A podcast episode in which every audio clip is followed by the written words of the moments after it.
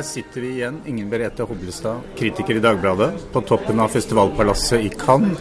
Eh, det er mye kakling i bakgrunnen. Det er eh, en del eh, Kan være noen krakilske kritikere som diskuterer hvilken film som bør få Gullpalmen i år. Jeg tenkte vi kunne begynne med jubileet til Tarantino. Det er 25 år siden han vant Gullpalmen her med Pulp Fiction.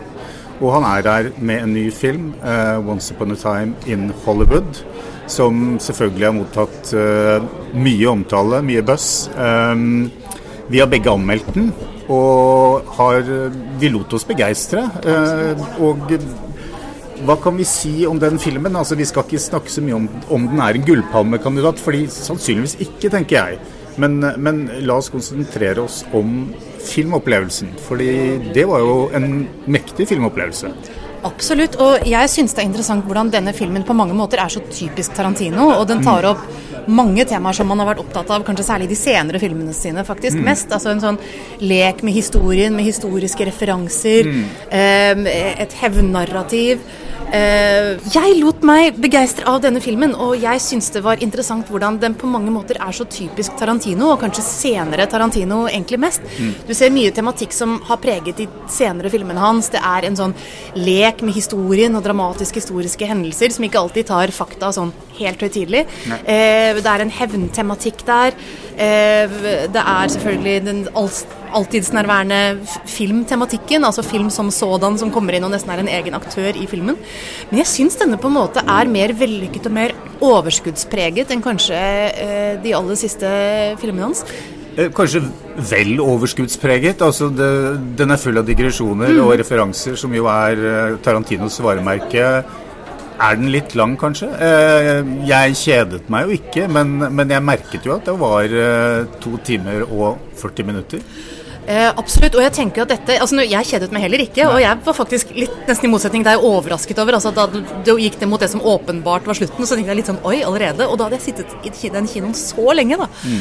Eh, men vi kan jo også Altså, dette handler jo om Hollywood i eh, 1969. Altså, dette er jo mens det skjer masse spennende ting i filmbransjen. Noen føler seg tilsidesatt, tilhører den gamle skolen. Men det virkelig skumle som skjer, er jo at det er den kulten, altså Charles Manson og familien hans, som bygger seg opp i bakgrunnen. Og, og 1969 var jo året Sharon Tate ble drept. Hun er en mm. person i filmen spilt av, av Margot Robbie. Og jeg føler at filmen, apropos det du sier om digresjoner, da, like mye er et sånn studium av den stemningen, da, av den tiden, som det egentlig er en forteller. Det er jo to år etter 'The Summer of Love' i 67. Mm. Eh, men dette er jo de voldelige understrømningene som sjelden har sluppet til når man beskriver slutten av 60-tallet i USA. Eh, det er nok av hippier som flyter rundt i omgivelsene her, men, men det er en slags urovekkende stemning. Eh, nå skal ikke vi røpe, og Tarantino var jo veldig klar på det at han ønsket ikke at noen skulle røpe handlingen og, og hvordan det, det, forløper seg mot slutten, fordi det er jo selvfølgelig ganske avslørende. Men vi kan i hvert fall si at den som forventer et, et blodbad og et forsøk på å beskrive nøyaktig hva som skjedde med Sharon Tate, og, som, som da var kjent som Roman Polanskis uh, hustru og, og, for så vidt skuespiller Altså, uh, vi kan vel kanskje si at eh, man, man blir kanskje litt overrasket over måten det løses på. Ja, altså jeg skjønner veldig godt at Tarantino ba om det. Det var jo interessant, Vi ble jo oppfordret fra scenen om ikke å mm. røpe noe eh, av handlingen i filmen. Og det var jo høylytt buing og piping og skjellsord som kom fra journalistene i salen. Men du skjønner på en måte det, for det tas noen grep på slutten der som man egentlig ikke kan skrive om da, eh, i en anmeldelse. Men det vi jo kan si, det er at eh, jeg må jo si at jeg syns skuespillerne er fantastiske her. Og det må man jo gi Tarantino. Han vimser litt hit og dit, men han er jo en utrolig caster. Eh, rett og slett. Og, og, jeg tenker at særlig Leonardo DiCaprio virkelig stråler da, i denne mm. filmen. Sensitivt spill. Altså Brad Pitt spiller jo en rolle slik han ofte spiller sine roller. Han virker helt selv, altså, tilfreds med seg selv og, mm. og i sitt eget univers. Men, men uh, DiCaprio er jo igjen uh, nyansert i spillet, selv om de begge spiller noen klisjeer. Ja, og det er det som fascinerte meg litt. Og nå skal jeg være helt ærlig, altså Leonardo DiCaprio er et litt blandet forhold til ham. Han er en veldig god skuespiller, utvilsomt, men det er noen ganger han spiller hvor jeg tenker at det er litt teknisk. da. Mm. Det er litt utvendig. det er litt Nå kommer liksom showcasen av den og det store eh, store følelsesmessige eh, klimakset på, på, et vis. Mm. Men her er han men altså, han kan være fantastisk, og her syns jeg han er fantastisk. Jeg syns ikke minst det er flott det at han spiller en person som er så dypt plaget. Altså en westernstjerne som er livredd for at bare sjansene bare gikk forbi ham. At han er gårsdagens nyheter. At han, ikke, at han bare vil liksom føyses til side på filmhistoriens mm. uh, skraphaug. Og han spiller det veldig komisk. altså Det er veldig morsomme scener. De er litt sånn overdådige, disse sammenbruddene hans. Men samtidig er det noe veldig genuint smertefullt i det. Da. Du tror jo virkelig at det er en fortvilt, fortvilt mann. Dette er likevel ikke noe, noe dekonstruksjon av, av amerikanske westernmyter. Det er vel kanskje år for, 50 år for sent å komme mm. med det nå. Eh, Tarantino har jo en Han virker jo som han er oppriktig glad i disse sjablongene, disse klisjeene som man husker fra barndommen. Mm. Altså eh, cowboy, cowboyseriene. Og filmen er jo full av referanser til særlig TV-serier. Mm. Og TV-serier som eh, vi aldri har sett her til lands. Eh, kultserier.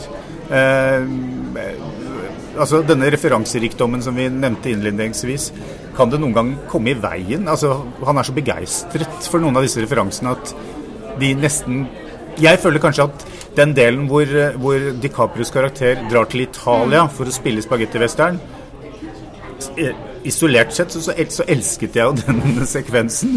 Men strengt tatt så er den kanskje ikke nødvendig, og det er kanskje ikke nødvendig at den er så lang. Ja. Nei, jeg er helt enig med deg. Det var faktisk akkurat stedet også der jeg tenkte at nå er det noe litt sånn selvforelsket ved disse omveiene mm. hans.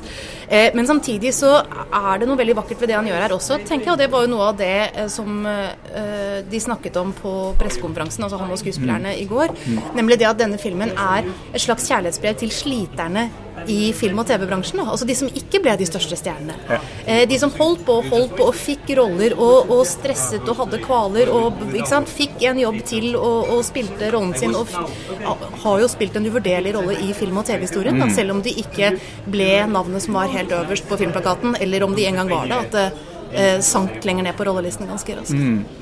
Det er en nesten melankolsk film. Altså, det er et tilbakeblikk. Eh, det er nærmest et lite sorgarbeid på vegne av en æra som er over. Og kanskje altså, filmens århundre, som på en måte er over. Eh, og denne hva skal vi si, melankolien er jo noe vi kan se i en annen gullpalmekandidat. Altså Pedro Almodovars 'Pain and Glory', som også handler om en filmskaper og forfatter som ser tilbake og, og med nostalgi og, og litt smerte. Eh, hvordan opplevde du Almodovars eh, siste film, som mange eh, fremhevet som en hva skal vi si, et slags comeback tilbake til god gammel form for, for Almodovars del? Jeg vet ikke om du opplevde det på den måten?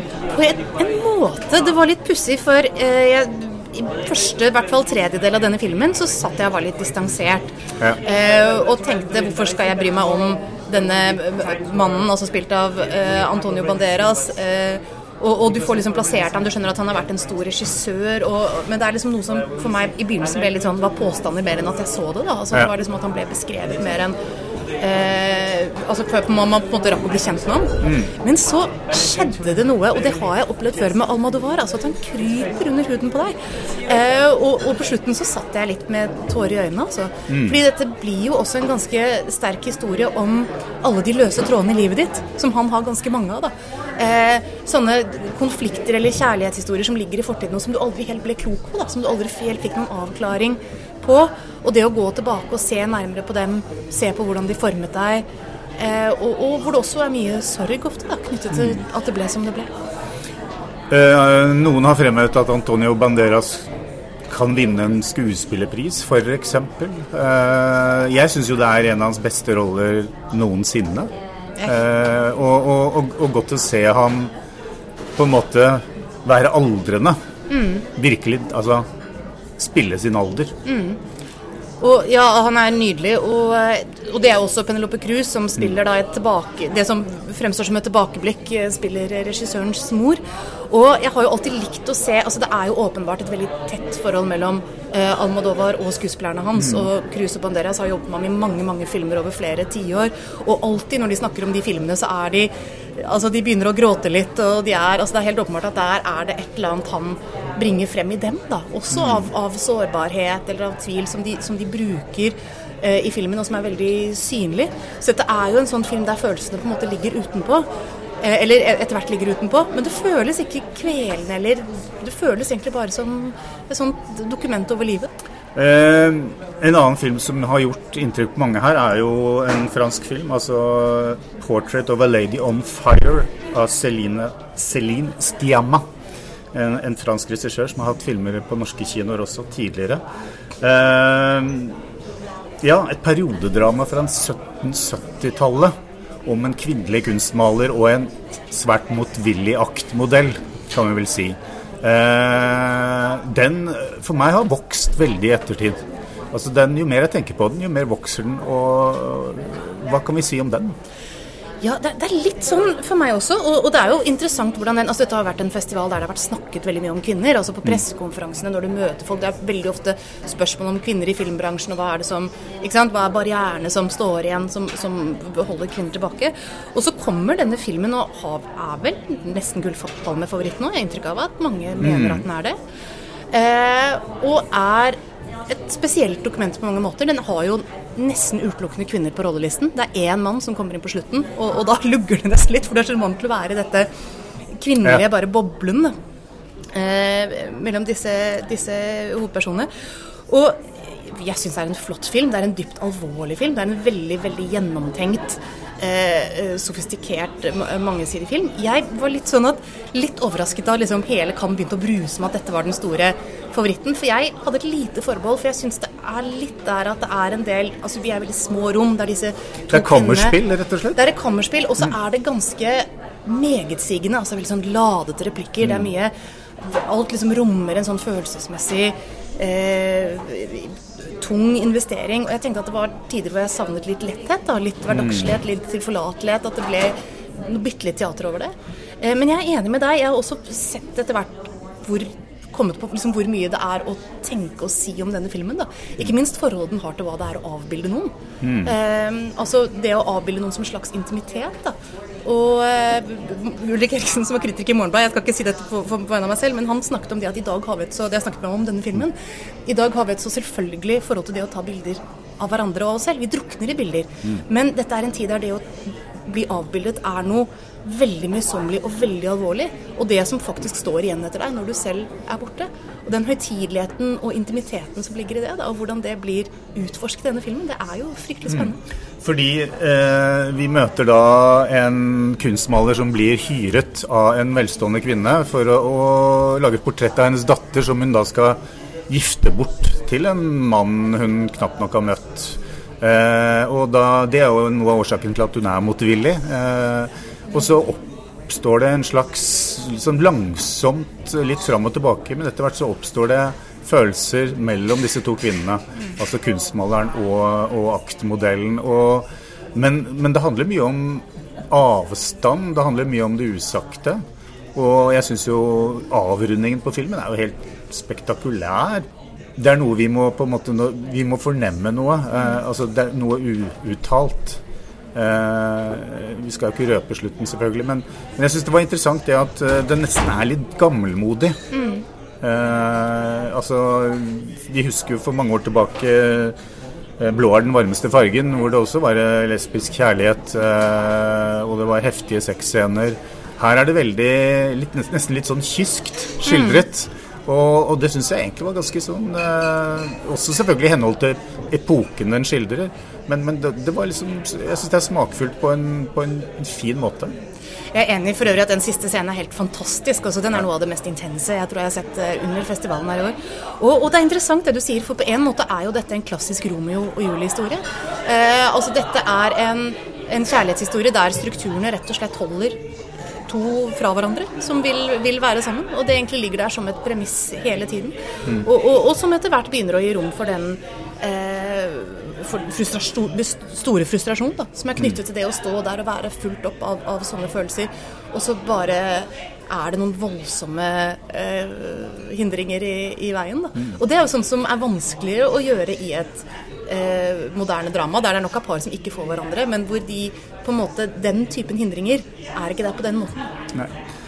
Vi har noen eh, som alltid kan noen usual suspects som har vunnet masse gullpalmer før. I hvert fall to hver. Altså det Terence Malick på ene siden og Dardenne-brødrene, altså de belgiske brødrene, eh, på andre siden, som er her med, med hver sin film. Og Terence Malick lager ofte Man sier at han lager den samme filmen hele tiden. Og hans siste film, 'A Hidden Life', er jo også en slags bekreftelse på det, bortsett fra at han denne gangen har beveget seg til Østerrike og andre verdenskrig. Um, og han gjør filmen, uh, som, alt, som, så mange amerikanere, uh, på, på, engelsk i Østerrike med tyske skuespillere.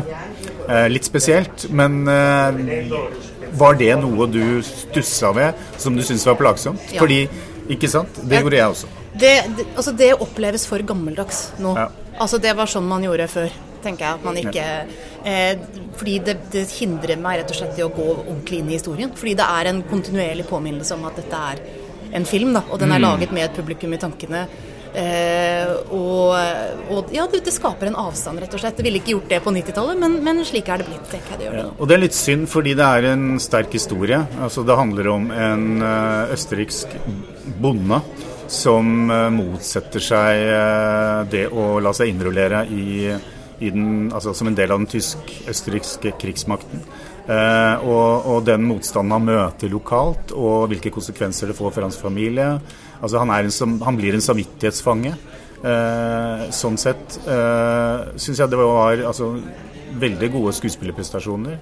Uh, og de, gikk, altså, de går jo i dybden av den problematikken, selv om det hele tiden er med Maliks altså, distanserende blikk, da, poetiske blikk. Altså, vi blir dratt inn og ut av, av tankene deres og, og handlingen. Og det er, det er jo ikke alltid man Altså, Vi er jo i Maliks vold, da. Mm. Ja, jeg husker jeg skulle se den filmen sånn, jeg tror det var klokka halv fire den gikk på, ja. på ettermiddagen, som kan være litt sånn, da begynner man å bli litt sliten, ikke sant. Mm. Jeg tenker dette passer fint. Sitte i tre timer nå og se på vakre kornaks som duver i vinden, som Malik alltid har, og ja, fine trekroner og eh, eksistensiell voiceover, det høres egentlig helt uh, passe ut. Og, og, jeg likte for så vidt å sitte her. Jeg syns jo den er for lang. Det syns jeg mm. filmen hans eh, stort sett er. Eh, men også jeg det er en det, altså Dette er også en film som er en faktisk direkte hyllest eh, til de som står rakrygget mot en slik overmakt, selv om kom, ingen kommer til å se dem gjøre det. Mm. Eh, de kommer ikke til å bli husket for det. Det kommer kun til å ha negative konsekvenser for det de skal overskue. Og, og det er en film som jeg tenker klarer å ære de som gjør det og samtidig ha respekt for at det også kan oppfattes som et egoistisk valg. Da, som et mm. valg som heller ikke moralsk faktisk er gitt. fordi det er jo snakk om mennesker som har en familie, uh, og, og, andre som må leve med det til dels Altså får en tilleggsbyrde da, fordi mm. de tar det valget de gjør. Selv om det er en Malik-film som jo ikke følger tradisjonell, altså, tradisjonell dramaturgi, så sitter man allikevel blir man jo tvunget til å reflektere over hva vil man selv ha gjort. Mm. Det er sjelden man kan liksom redusere Maliks filmer til noe så enkle spørsmål. Men, men, men, det spørsmålet stilles jo. Og, og uh, svaret er vel at uh, nei, de fleste av oss ville jo ikke ha valgt å gjøre det på den måten. Jeg tror ikke jeg ville gjort det, skal jeg være ærlig. uh, men jeg, på en måte så er det noe av det altså jeg, jeg, setter på en måte pris på at det er et så stort, alvorlig spørsmål. Og jeg syns mm. det gjør at den bærer spillelengden og det liksom voldsomme uh, uttrykket bedre enn hva den kanskje ellers ville gjort. Jeg var ikke særlig glad i Maliks eh, The Night of Caps, den Christian Bale-filmen, Eh, hvor Christian Bale også går rundt i tre timer og slåss med seg selv, ja. men, men, hvor alt det han baler med, virker mye mer selvsentrert, egentlig. Mm. Og ja. men, men, men dette vel, er noe som virkelig det er verdt å belyse på den måten. Vi har vel begge respekt for Terence Malick og hva han står for, og jeg er også enig i det at Eller jeg mener at de tre siste filmene hans har vært ganske svake. Jeg, så vi kan vel kanskje si at dette er en liksom, Han til, vender tilbake til den formen han viste med 'Tree of Life', mm. som også ble vist her i Cannes. Altså, det er uh, Altså, jeg vil også si at det er tilbake til en mye bedre form. For, ja. ikke sant? De, de, de, siste filmene har ikke vært på det Nei. nivået. Men jeg synes jo, må jo si at jeg fremdeles syns det er et stykke igjen til hvordan han har vært på sitt aller beste. da. Ja, enig i det. Når det gjelder Dardem-brødrene, så mener jo mange, deriblant jeg, at de heller ikke er i toppform her i Cannes med sin film og, eh, som heter eh, Hva heter den? 'Min sønn My son Unge Ahmed. Heter Unge Ahmed eh, som handler om religiøs fanatisme hos en tenåringsgutt eh, i, i eh, Belgia i dag. Eh, hva kan vi si om, om den? Ja, altså det er jo de er, altså de er jo gode på det de gjør, ikke sant. Mm. Det de gjør her er at de altså Dette har de gjort mange ganger før. At de mm. følger én person rundt i ca. halvannen time. Eh, hvor det er snakk om et, et, prosjekt denne personen eh, er litt besatt av. Og har en livskrise. En livskrise ja. eh, men hvor du kommer jo ikke inn i hodet på den personen. Du må bare prøve å forstå den hovedpersonen ut fra hvordan de er i møte med andre. da. Mm. Der de ofte har grunner til å være enten åpne eller lukkede. For, for her møter vi jo da unge Ahmed som er tenåring og vokser opp i relativt sekulære omgivelser, men er muslim og bestemmer seg for å følge Koranen slavisk og, og blir en slags Altså fortolker den eh, ganske fanatisk til eh, morens, moren og familiens bestyrkelse. Og så, og så, begynner han å leke med tanker om eh, å ta livet av folk. Ja. Og altså, Det er mye ved dette som er troverdig og fint, og, og noe jeg likte. altså Jeg vet ikke om du, du forsto det slik, men jeg tenkte på måten han er litt sånn eh, stiveblikket og nesten manisk på. da, At det antydes jo at han han gutten, altså Kanskje er det noe litt annet ved ham også? At det kanskje er noen snev av nesten OCD? eller altså Det er et eller annet Tvang, det, det, så... Ja, ikke sant? Det, det framstår som tvangstanker, og ja. det er det jo kanskje på sett og vis også. Uh, uten at man skal diagnostisere det på den måten. Uh, Nei, altså Man trenger ikke å si at, at, religiøs radikalisme er det som per se, men du kan jo si at for noen som har sånne tilbøyeligheter, mm. så kan det kanskje være eh, noe ekstra da, som gjør at den veien virker tilfredsstillende, på en måte. At verden blir liksom ordnet og reglementert og, og eh, ja, på denne bestemte måten det blir her. Men jeg tenker nok litt at det er noe med selve denne problemstillingen, da, altså eh, religiøs radikalisering på den måten, som Altså, det er ikke en helt tilfredsstillende form å beskrive det i, for det er for mange spørsmål som står igjen, mm. syns jeg. Det gjelder mm. både ut fra måten hans historie begynte på, som vi får vite relativt lite om. Det gjelder hvordan det går. Altså, det er, det er et studium av ham mens folk prøver å få ham til å komme ut av denne tankegangen, noe som er fryktelig vanskelig. Eh, men jeg vet ikke hvor mye jeg Altså Det er et sånt raskt lite innblikk i en historie, men, men jeg vet ikke om jeg syns det er nok. da At det blir et tilfredsstillende narrativ. Det er noe som mangler, følte jeg. Og, og, og, avslutningen også gjorde at jeg var helt i stuss. Hva, mm. hva skjer nå? Hva skjedde? Eh, og kanskje målet deres var å tvinge fram noen tanker og refleksjoner for hos publikum, men, men er, jeg har liksom ikke Jeg blir ikke klok på det. Jeg tror vi får litt for lite, ja. og slett. Ja. Sometimes less is only less, som det heter. Um, vi har uh, flere interessante filmer, og i det hele tatt, jeg syns jo uh, årets uh, hovedkonkurranse holder ganske bra nivå, jeg syns så langt. Helt enig. og, og en av de store overraskelsene, eller altså positive opplevelsene for meg, var jo den sørkoreanske 'Parasite', som, eh, som ble vist i, i hovedkonkurransen i, i går. Eh, det er jo en gammel kjenning av festivalen. Eh, Bong Yoon-ho.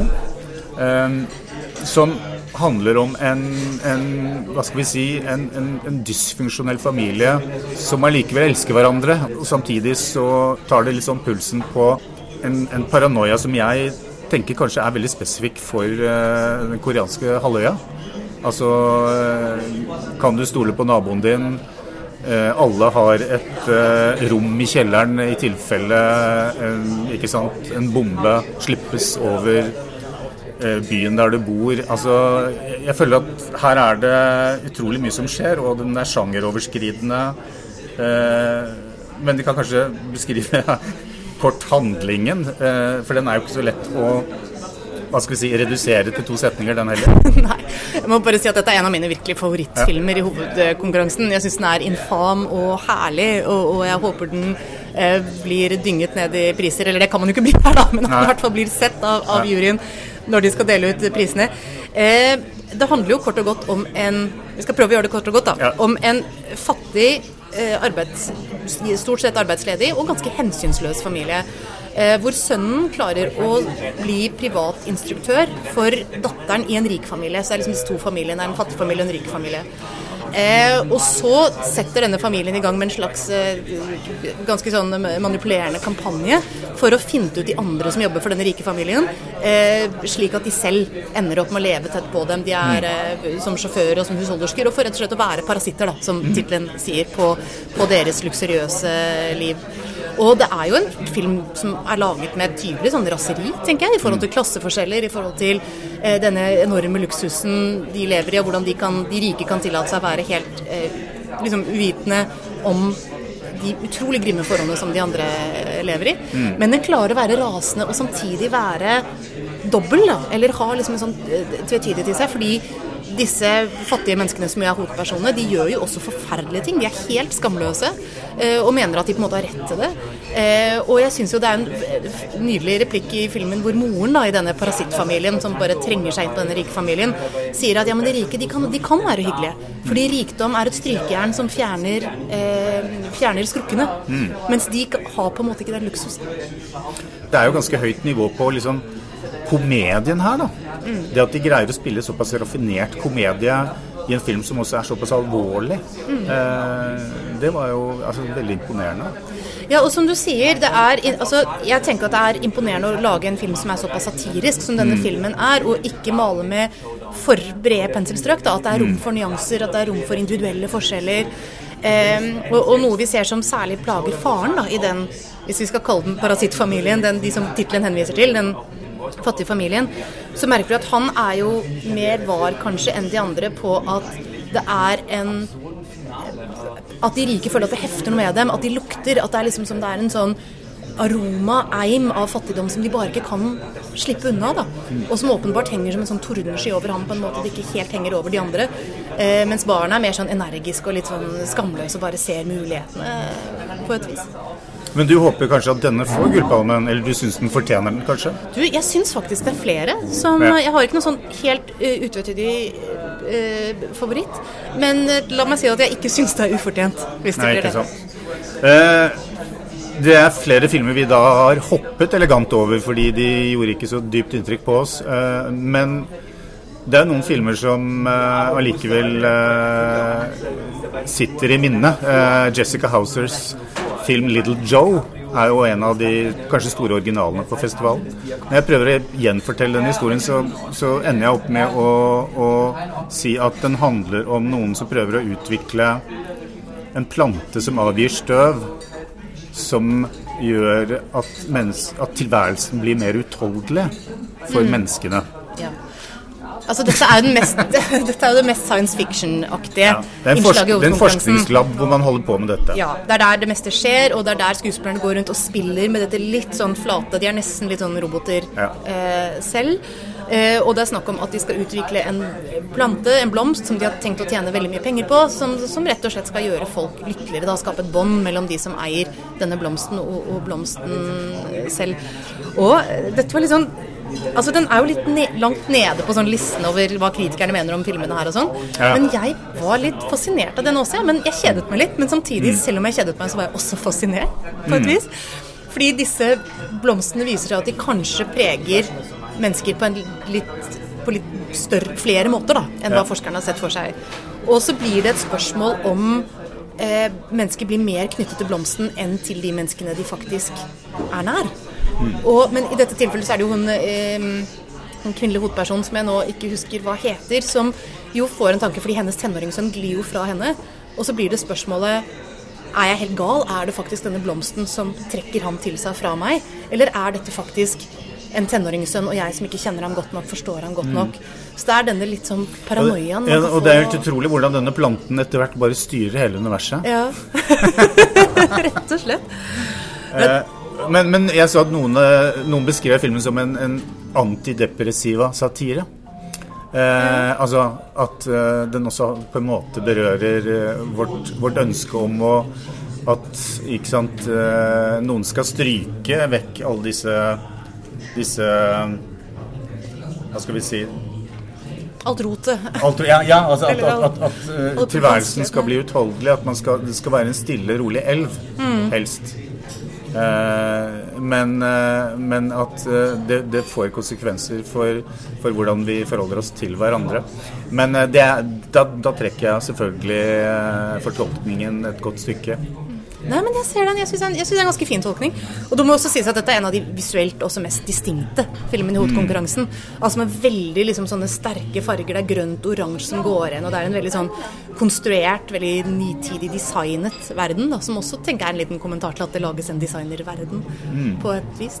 Og så er den jo litt teatral. Mm, veldig.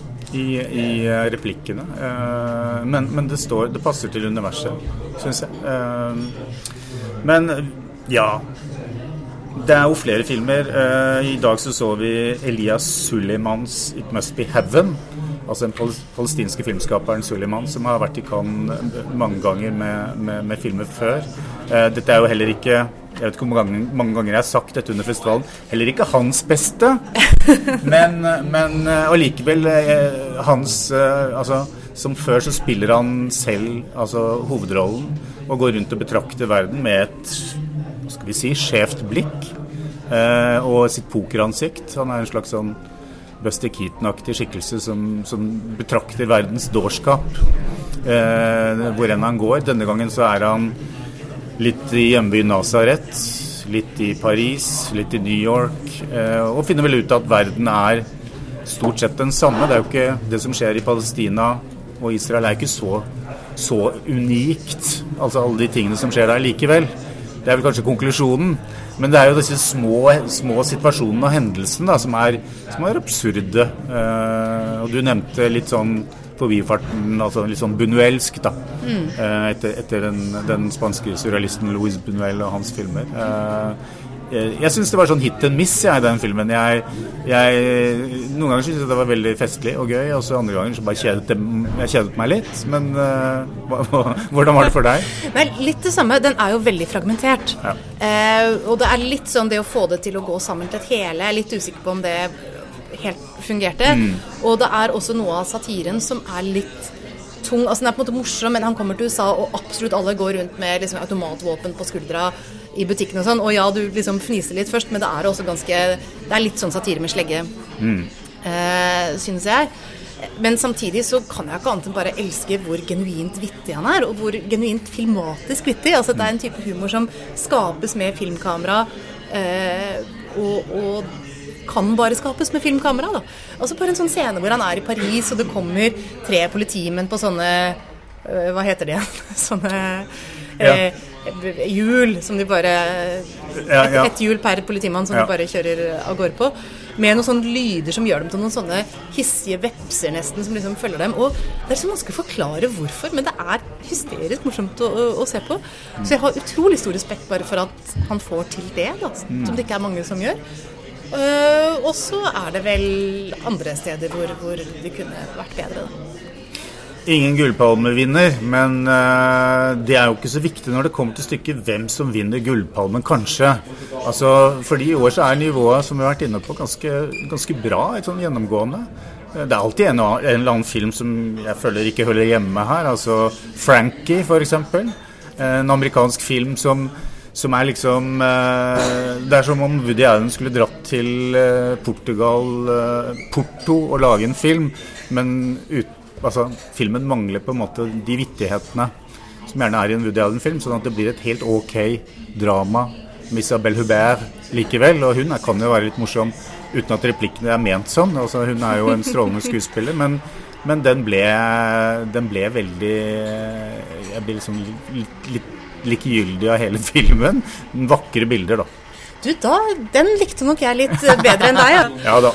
Ja. Uh, men Nei, fordi dette er jo om, eh, om eh, Hovedpersonen, Hovedpersonen har, en, har kreft ja. og kommer til å dø. Og det handler om hvordan familien eh, forholder seg til det. Og noe av det jeg bare likte så godt, var at jeg, jeg trodde som på dem. Jeg trodde mm. som på alle personene. At de var de de var. At det er eh, Altså konfrontasjoner når du plutselig skjønner for første gang at personen ved siden av deg skal dø. Når det er noen sånne nydelige scener mellom Hubert og Brennan Gleeson, som spiller ektemannen hennes, og som åpenbart uh, går rundt i en sånn jovial pappamodus, men er egentlig helt knust, da. Uh, men det tar tid. Det tar tid. Det tar en time før det begynner å Ja, det tar tid. Og, og det er også, altså når det er sagt, den er ikke blant mine favoritter her. Og det er noen Det er jo mange, mange historier om Det er masse medlemmer i den familien, og alle har sine vanskelige historier. Eh, som, som fortelles, og det er ikke alle som jeg syns kommer helt i havn. Noen ganger så er det jo noe så banalt kan være her i Cannes at uh, du var mer våken enn meg akkurat da den filmen ble vist. At jeg var litt sliten og trøtt og lei. Uh, så det er kanskje en, en gyllen regel vi burde holde oss til her i Cannes. At strengt tatt så burde vi se filmen en gang til som vanlige sivile hjemme på lokalkinoen. Altså Man blir jo litt koko av å være her, Ja, for det er jo sånn inntrykk som bare kommer stormende på deg med veldig kort mellomrom, slik at man får ikke fordøyd ting på den måten man ville gjort hvis man var hjemme. Man Nei, ser dem også stadig på utgangspunkt i et sånt sammenligningsgrunnlag som man ikke har når man ser film ellers. da. Mm. Men jeg tror du og jeg er litt uenige om en annen film også, motsatt vei. Eh, nemlig den rumenske filmen som het eh, La Gomera La Gomera, The Whistlers. av eh, Corneliu Porumboju. Ja. Fordi For meg var det filmen som var skikkelig neglene på tavla. Det var den filmen jeg tenkte ikke hadde noe i hovedkonkurransen å gjøre. Og at absolutt alle de andre filmene var på et helt annet nivå. Men eh, Den er jo en av disse filme, filmene som eh, har en kriminalintrige, men egentlig så handler det om noe annet. Det handler om film, det, handler, det er en metafilm. eh, og, og da bryr filmskaperen seg ikke så veldig mye om ja, var det 300 millioner euro, eller hvor mange Altså hva, hva var det kampen egentlig sto om? Eh, og det gjelder da å balansere disse hensynene. Da. Altså ikke gi helt blaffen i kriminalintrigen, fordi folk vil jo gjerne at den skal på en måte holde, holde litt, eh, litt vann. Men jeg er, svak, jeg er svak, kjempesvak for den type filmer. Eh, det må jeg bare innrømme. Eh, men jeg ser jo også at den har en letthet. Eh, den har en overflate. Den har flere lag med overflate, og det er det som er interessant. Men den berører jo ikke på noe emosjonelt plan. Altså den, den, det er jo ikke noe sterk film sånn sett. Nei, og jeg skjønner ikke, altså det, det jeg skal gi den, er at den ser jo veldig flott ut. Det er en sånn tone av liksom brent oransje som går igjen nesten i alle bilder. Og så har den en av de råeste kvinnerollene i, på festivalen. Jeg tenker ikke på hun, hun vakre modellen som er i, i filmen, men hun som spiller eh, statsadvokaten. Ok, ja, da, da er jeg mer med, fordi Ja. den andre kvinnerollen som er Og det skal jo sies at dette er jo med vilje, fordi det er jo masse filmreferanser i denne filmen. Ja. Og hun jo- heter jo Gilda, og er en tydelig kommentar til noir-filmen Gilda. Og sitter også med eh, sigarett med, vel med munnstykke som Rita Hayworth har, eh, Mm. har på den berømte filmplakaten for, for den opprinnelige Gilda. Men hun er jo en ren klisjé. Hun er en ren klisjé. Og ja, Men hun, hun, hun skal fungere som det. Ja, men Ja. Når, når var det Hva skal jeg si? Ok, du bruker klisjeer, men når klarer du å gjøre de klisjeene til noe mer, da? Jeg Mm. syns egentlig ikke han klarer å videreføre dem. Altså Han samler masse eh, klisjeer. Den litt sånn eh, eh, slitne, halvkorrupte eller helkorrupte Mm. politimannen, eh, femme fatalen, eh, forskjellige andre roller her. Jeg bare Jeg skjønner at han er begeistret for filmene han har sett, men man, han klarer jo ikke å eh, Altså, De er egentlig mye mer interessante i sin originale tapning enn liksom Mm. pastisjen de blir her. Jo, nei, men det er alltid en utfordring. Eh, men jeg, jeg, jeg følte at hun, eh, Gilda-skikkelsen, denne filmens Gilda-skikkelse, var, var mer en slags uh, Altså ikke en virkelig person, på sett og vis. Uh, men det kommenteres jo i filmen at hun uh, Hun sier jo selv at den du traff sist gang du traff meg, det er egentlig ikke meg. Altså, men, men, men hun er jo ikke viktig. Altså, filmens store heltinne for meg er jo den korrumperte statsadvokaten som selv griper til våpen mm. når de da skal ha denne endelige shootouten mot slutten av filmen. Men, men dette er jo ikke noe film som eh, eh, er så dypsindig. Det, er det, det, har jeg aldri, det vil jeg ikke påstå. uh, jeg syns bare det var uh, deilig å se. Eh, så har vi sagt det. Ja. Men eh, da vil jeg bare takke for at du eh, har vært med meg her i Cannes, Inger Merete Det har vært kjempegøy. Takk. Selv Så slutter vi der, og skal se noen filmer til før vi gir oss på festivalen.